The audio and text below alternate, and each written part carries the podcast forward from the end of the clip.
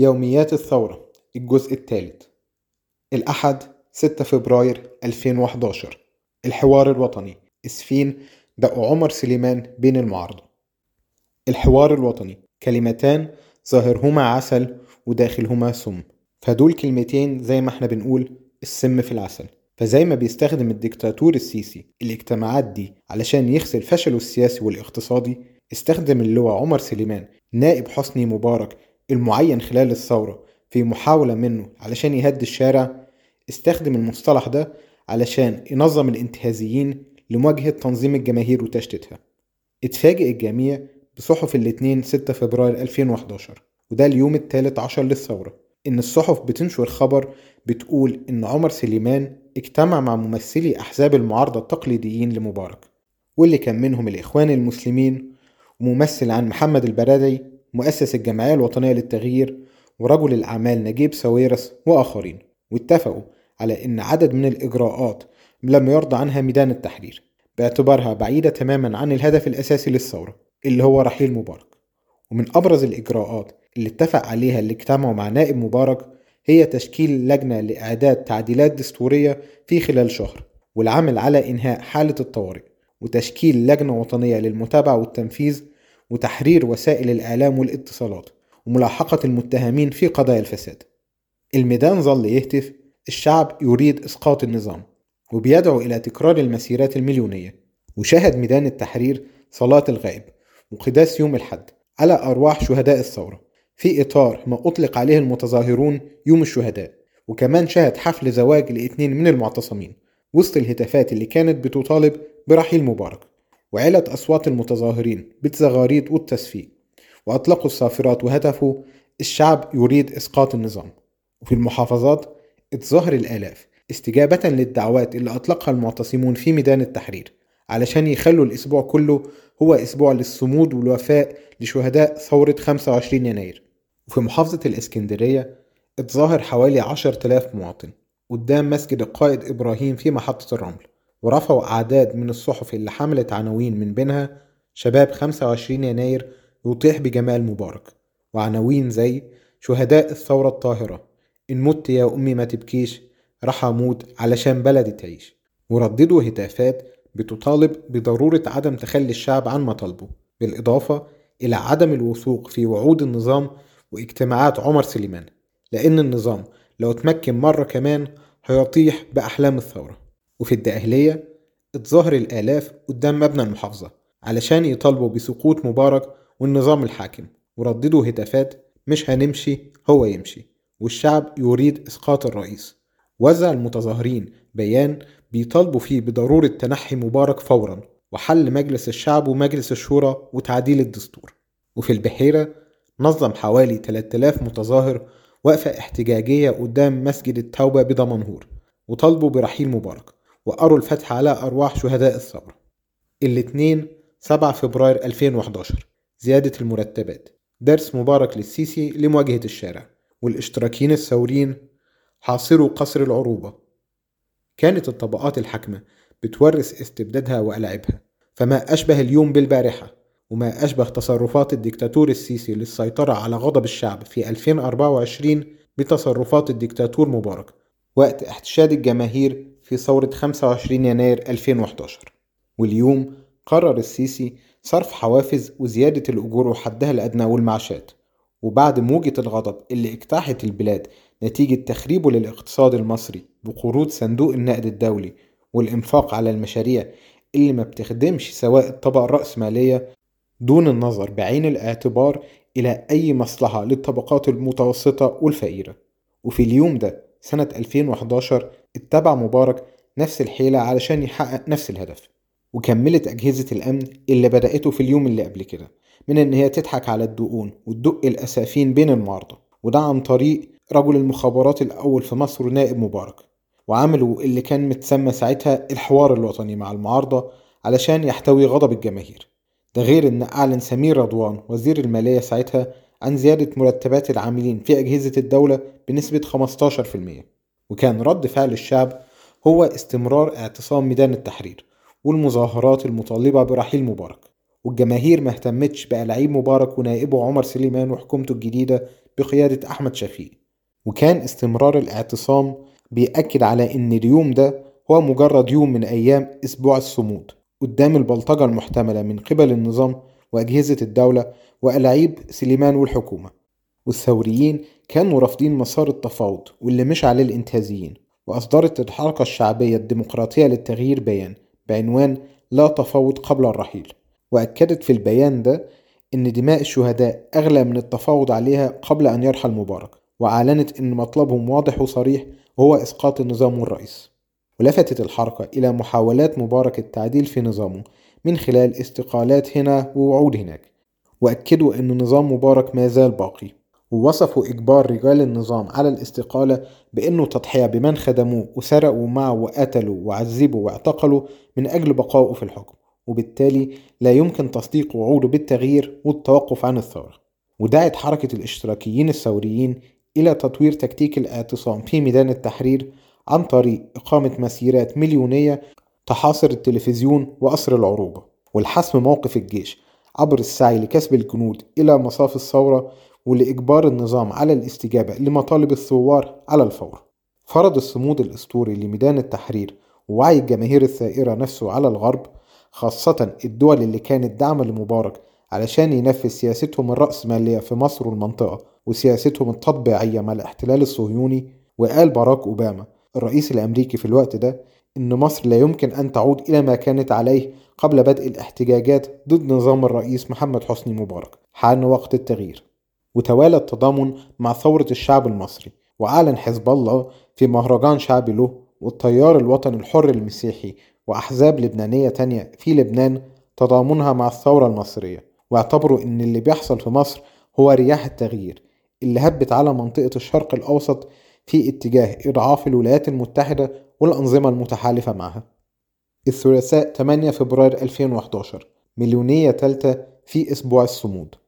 اتوافد المتظاهرون على ميدان التحرير ولبوا دعوة القوى الثورية لمليونية جديدة في أسبوع الصمود وشهدت العديد من المحافظات مظاهرات حاشدة استجابا للدعوة. وفي محافظة بورسعيد دارت اشتباكات بين المتظاهرين وبلطجية تابعين للحزب الوطني.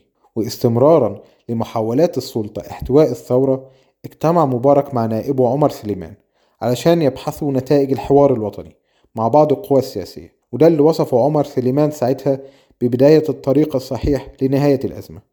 دائما بتتفادى الطبقات الحاكمة وصف الانتفاضات الشعبية بالثورة وعشان كده وصف سليمان ثورة يناير بالأزمة والسيسي بيصفها دلوقتي بالأحداث والسبب في كده هو رعب الطبقات الحاكمة من الثورة وتأثيرها على مصالحهم السياسية والاقتصادية. وأصدر مبارك قرار جمهوري بتشكيل لجنة دستورية تباشر إجراءات التعديلات الدستورية واللي تم الإعلان عنها وبدأت نيابة الأموال العامة تحقيقاتها مع حاتم الجبلي وزير الصحة في عهد مبارك بسبب تضخم ثروته واللي بلغت ساعتها حوالي 12 مليار جنيه. طوفان من القرارات والإجراءات في محاولة من النظام علشان يجهد الثورة والالتفاف عليها. ولكن كلما مر الوقت كانوا الثوار على دراية بالمناورات دي وبالرغم من انتهازية بعض القوى السياسية واللي جرت إلى الحوار مع السلطة بل إن أعتصام التحرير امتد إلى الشارع اللي كان فيه مجلس الشعب ومجلس الوزراء بالقرب من ميدان التحرير. وفي حين كان بيراهن النظام على ملل المعتصمين والشعب من الاحتجاجات كانت مليونية الثلاثاء 8 فبراير يوم جديد من صمود الثورة المصرية وإصرارها على إسقاط حسني مبارك. ولما كان عمر سليمان بيصرح بأن كلمة الرحيل ليست من أخلاق المصريين كانت ميادين الثورة في مصر بتهتف كلموه بالعبري ما بيفهمش عربي وإرحل يعني امشي يلي ما بتفهمش. الأربعاء 9 فبراير 2011 العمال يهددون عرش مبارك والاشتراكيين الثوريين الضربة القاضية. قبل ما يرحل مبارك بيومين وبالتحديد يوم 9 فبراير 2011 زادت مظاهرات وإضرابات العمال وده اللي عطل الإنتاج وهدد بشكل مباشر مصالح الطبقة الحاكمة وحلفائها من الطبقة الرأسمالية. وقالت الاشتراكيين الثوريين عن الأحداث دي احتجاجات العمال في هذا اليوم كانت تطالب برحيل وإقالة المسؤولين الفاسدين وليس فقط زيادة الأجور أو المطالبة بالمستحقات المتأخرة أو تثبيت المؤقتين مما يجعل بإمكاننا أن نقول أن الموجة الثانية من الثورة وهي موجة عمالية واجتماعية بامتياز تسعى لتفكيك النظام ورموزه ومسؤوليه من أسفل. ورصدت الحركة في تقرير ليها بعنوان مئات الآلاف من العمال يواصلون الاحتجاجات ضد النظام. نشر موقع الاشتراكي الإضرابات والاحتجاجات في السنترالات المركزية في القرية الذكية ورمسيس والعتبة وشركات البترول والمية والصرف الصحي والأدوية والنقل بهيئة السكة الحديد والكوك للصناعات الكيماوية الأساسية في حلوان وهيئة قناة السويس في الإسماعيلية والسويس وبورسعيد ومؤسسة روزا اليوسف الصحفية ونقابة الصحفيين وعدد من المستشفيات الحكومية وغيرهم من المؤسسات اللي عطلت الإنتاج. وتحت عنوان عمال مصر يسقطون نظام الفساد والخصخصة أكد الاشتراكيين الثوريين إن السنوات الأخيرة قبل الثورة شهدت أكبر سلسلة من الاحتجاجات العمالية والنقابية خلال حكم مبارك وشارك فيها ما يقرب من 2 مليون عامل. ونجحت في تحدي قانون الطوارئ بفرض المظاهرات والإعتصامات في شوارع مصر الرئيسية واللي كان من أبرزها احتلال شارع مجلس الشعب لفترات طويلة ومحاولة اقتحام البرلمان وكذلك تحدي القوانين المقيدة للحريات بانتزاع حق الإضراب. ونجح العمال كمان في انتزاع نقابتهم المستقلة في ظل أجواء شديدة القمع ورفعوا عاليا شعار حد أدنى للأجور. للي عايشين في القبور. واعتبرت الحركة إن التحركات العمالية والنقابية بقت قادرة على إن هي توجه الضربة القاضية للنظام الفاسد واللي سرق العمال وصادر حقوقهم ومعتمد على البرنامج الفاسد والمنظم للخصخصة وكذلك على اتحاد عام للعمال بيرقصوا عملاء للنظام اللي بيفرطوا في حقوق العمال لصالح رجال الأعمال في أبشع صور التزاوج بين السلطة والمال. وطالبت الحركة العمال بإنشاء اللجان العمالية في كل المصانع والشركات للدفاع عن حقوقهم ومكتسبات الحركة العمالية ودعم الثورة المصرية. والمحافظات ما كانتش بعيدة عن الثورة فحاصر آلاف المتظاهرين مقر محافظة كفر الشيخ وحرقوا مقر مديرية القوى العاملة وفي ميدان التحرير زاد الوضع اشتعالا وامتد الاعتصام إلى شارع القصر العيني إلا في مقر مجالس الشعب والشورى والوزراء. من ميدان التحرير أصدر السينمائيون المعتصمون في ميدان التحرير بيانهم وأكدوا إن هم جزء من ثورة الشعب المصري وإن هو لا بيمثلهم ولا بيعبر عن مواقفهم اتحاد النقابات الفنية وأعلنوا إن هم مستمرين في اعتصامهم حتى يحقق الشعب المصري جميع مطالبه الأساسية واللي في مقدمتها إسقاط النظام بكل رموزه وعلى رأسهم مبارك.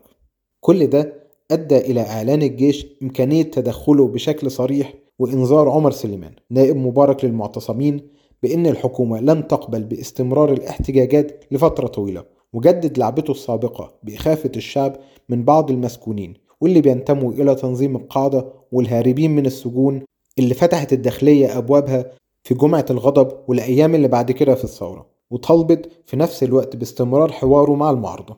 وكمان تواصل تضامن الشعوب مع الثورة المصرية وتظاهر المئات وسط مدريد تضامنا مع مظاهرات الاحتجاج في مصر ورددوا هتافات تسقط الديكتاتورية وزي ما كشف منشق صيني لوكالة فرانس بريس عن منع الشرطة في جنوب غرب الصين مدافعين عن حقوق الإنسان من توزيع منشورات تطلع السكان على التحركات الاجتماعية في مصر. واستمرت ردود الأفعال الدولية تجاه ثورة 25 يناير. وقال روبرت جيبس المتحدث باسم البيت الأبيض ساعتها إن ما قدمته الحكومة المصرية حتى هذا اليوم لا يلبي الحد الأدنى من مطالب الشعب المصري. الخميس 10 فبراير 2011 مبارك هرب والشعب يحاصر قصر العروبة. بدا الرئيس حسني مبارك وكأنه عبء على الجميع فالمتظاهرين موقفهم منه واضح وصريح. الضغط الشعبي ده والقدرة الفائقة على التنظيم أجبرت الجيش على اتخاذ موقف سلبي تجاه مبارك. وزي ما شفنا اعتصام ميدان التحرير اللي مستمر بقاله 17 يوم وبيزداد توسعه وامتد كمان لمحاصرة مجلس الوزراء ومجلس الشعب والشورى وكمان حاصر عدد من مؤسسات الدولة في المحافظات وكمان أحرق بعضا منها. والعمال والموظفين كملوا إضرابهم عن العمل. إذا فقد توقف الإنتاج بشكل جعل الطبقة الحاكمة والرأسمالية في ورطة حقيقية وده اللي يخلي تنحي مبارك من على رأس السلطة واستبداله بآخر واجب تآمري وأول خطوة في خطط جديدة علشان تقدر الطبقة الحاكمة تستعيد مصالحها وترجع اللي فقدته. وكمان جه في إطار الصراع داخل الطبقة الحاكمة ورفض جناح منها اللي هو الجيش مشروع توريث السلطة لجمال وإن يتولى حكم مصر مدني. ورغم كده أعلن مبارك خلال خطابه الثالث من اندلاع الثورة في 25 يناير 2011 تمسكه بالحكم وأكد إنه لن ينصاع لأي إملاءات للتنحي. وده رغم صدق نوايا الشباب اللي فجروا الثورة على حسب كلامه ولكنه في نفس الوقت فوض نائبه عمر سليمان في كل صلاحياته كانت فكرة محاصرة القصر الرئاسي وعدد من مؤسسات الدولة مطروحة في إعتصام التحرير بقالها كام يوم وساعد على كده بيانات لحركة الاشتراكيين الثوريين وغيرهم. وتوجه المعتصمين بشكل صريح لمحاصرة قصر العروبة. هرب مبارك وعيلته إلى مدينة شرم الشيخ بعد خطابه مباشرة وقبل ما يتحرك آلاف المتظاهرين نحو القصر الجمهوري بمصر الجديدة علشان يحاصروه من غير ما ينصتوا لطلب ضباط الجيش في التمركزات العسكرية حواليه إن هم يرجعوا مكان مكانه. وكمان دعوا الشعب المصري كله إلى الانضمام ليهم في اليوم التالي في مليونية سموها جمعة الزحف. وحاصر غيرهم مبنى التلفزيون في ماسبيرو. واللي تم إخلاؤه من معظم العاملين فيه تحسبا لاقتحامه من قبل المتظاهرين وشكلوا بؤرة جديدة للمظاهرات والاعتصامات. فيما تظاهر آخرون في شوارع وسط البلد وشالوا العلم المصري ورددوا هتافات منها كله ينزل من البيوت حسن هيرحل في التابوت. في إشارة إلى إجبارهم مبارك على الرحيل بالقوة. وفي العريش اندلعت اشتباكات عنيفة بين أهالي العريش وقوات الأمن المركزي واللي تسببت في عدد من القتلى والجرحى. وكمان توجه متظاهرون نحو مقر قيادة المنطقة الشمالية العسكرية بالإسكندرية وهتفوا حسني مبارك عار عار عايز مصر تولع نار ودعوا إلى مظاهرة كبيرة في اليوم التالي بعد صلاة الجمعة من مسجد القائد إبراهيم. ولم يقل غضب المصريين من إصرار مبارك على البقاء في السلطة في الجنوب عن الشمال. وفي مدن زي أسوان وإتو في محافظة أسوان نظم مئات المحتجين مسيرات غاضبة. وقالوا إن يوم الجمعة لن يكون يوم الزحف إلى القصور الرئاسية زي ما قال منظمو الاحتجاجات بل سيكون يوم الموت. وعقد المجلس الأعلى للقوات المسلحة اجتماع بدون مبارك لبحث الإجراءات والتدابير اللازمة للتطورات دي. وأعلنوا الاستمرار في الانعقاد المتواصل لبحث ما يمكن اتخاذه من إجراءات زي ما ذكروا في بيان ليهم. وتردد إن أحد الضباط الكبار بالجيش أكد للمعتصمين في الميدان إن هيتم الاستجابة سريعا لمطالب المتظاهرين وقال آخرون إن مبارك سينقل السلطة للجيش وذكرت وسائل إعلام على لسان أحمد شفيق رئيس الحكومة الجديدة إن مبارك قد يتنحى وتوقع حسام بدراوي أمين عام الحزب الوطني الجديد إن الرئيس سيستجيب لمطالب المتظاهرين قبل اليوم الجمعة وإنه قد يغادر البلاد. الجمعة 11 فبراير 2011 الشعب أسقط مبارك وما زال الفقر والاستبداد مستمرين. يوم الجمعة الصبح 11 فبراير شهدت القاهرة والمحافظات مظاهرات حاشدة وأطلق عليها المعتصمين في ميدان التحرير مليونية الزحف. في اليوم المشهود ده اتحقق الحلم. فبالظبط الساعة السادسة مساء من اليوم الثامن عشر للثورة أعلن عمر سليمان نائب رئيس الجمهورية تنحي مبارك عن السلطة. وتكليف المجلس الأعلى للقوات المسلحة بإدارة شؤون البلاد. عم الفرح أرجاء مصر. وفي مشهد مهيب كانت الملايين في الشوارع وكانوا مليانين بنشوة الانتصار واللي امتزجت بالغنى والدموع. فما كانش حد متخيل من أيام مضت إنه بالإمكان إزاحة مبارك الدكتاتور العتيق اللي فضل قابض على السلطة لحوالي 30 سنة. ومن المهم إن إحنا نفتكر اللحظات دي بعد مرور 13 عام من ثورة يناير. ونستعيد بها بعضا من لذة الفرحة في اليوم الفارق في تاريخ الثورة المصرية. وندرك إنه بالإمكان هزيمة الدكتاتورية والفقر وده اللي بتحاول الطبقة الحاكمة اليوم إن هي تمحوه من الذاكرة بتاعتنا بتعميم حالة اليأس والخوف من التغيير.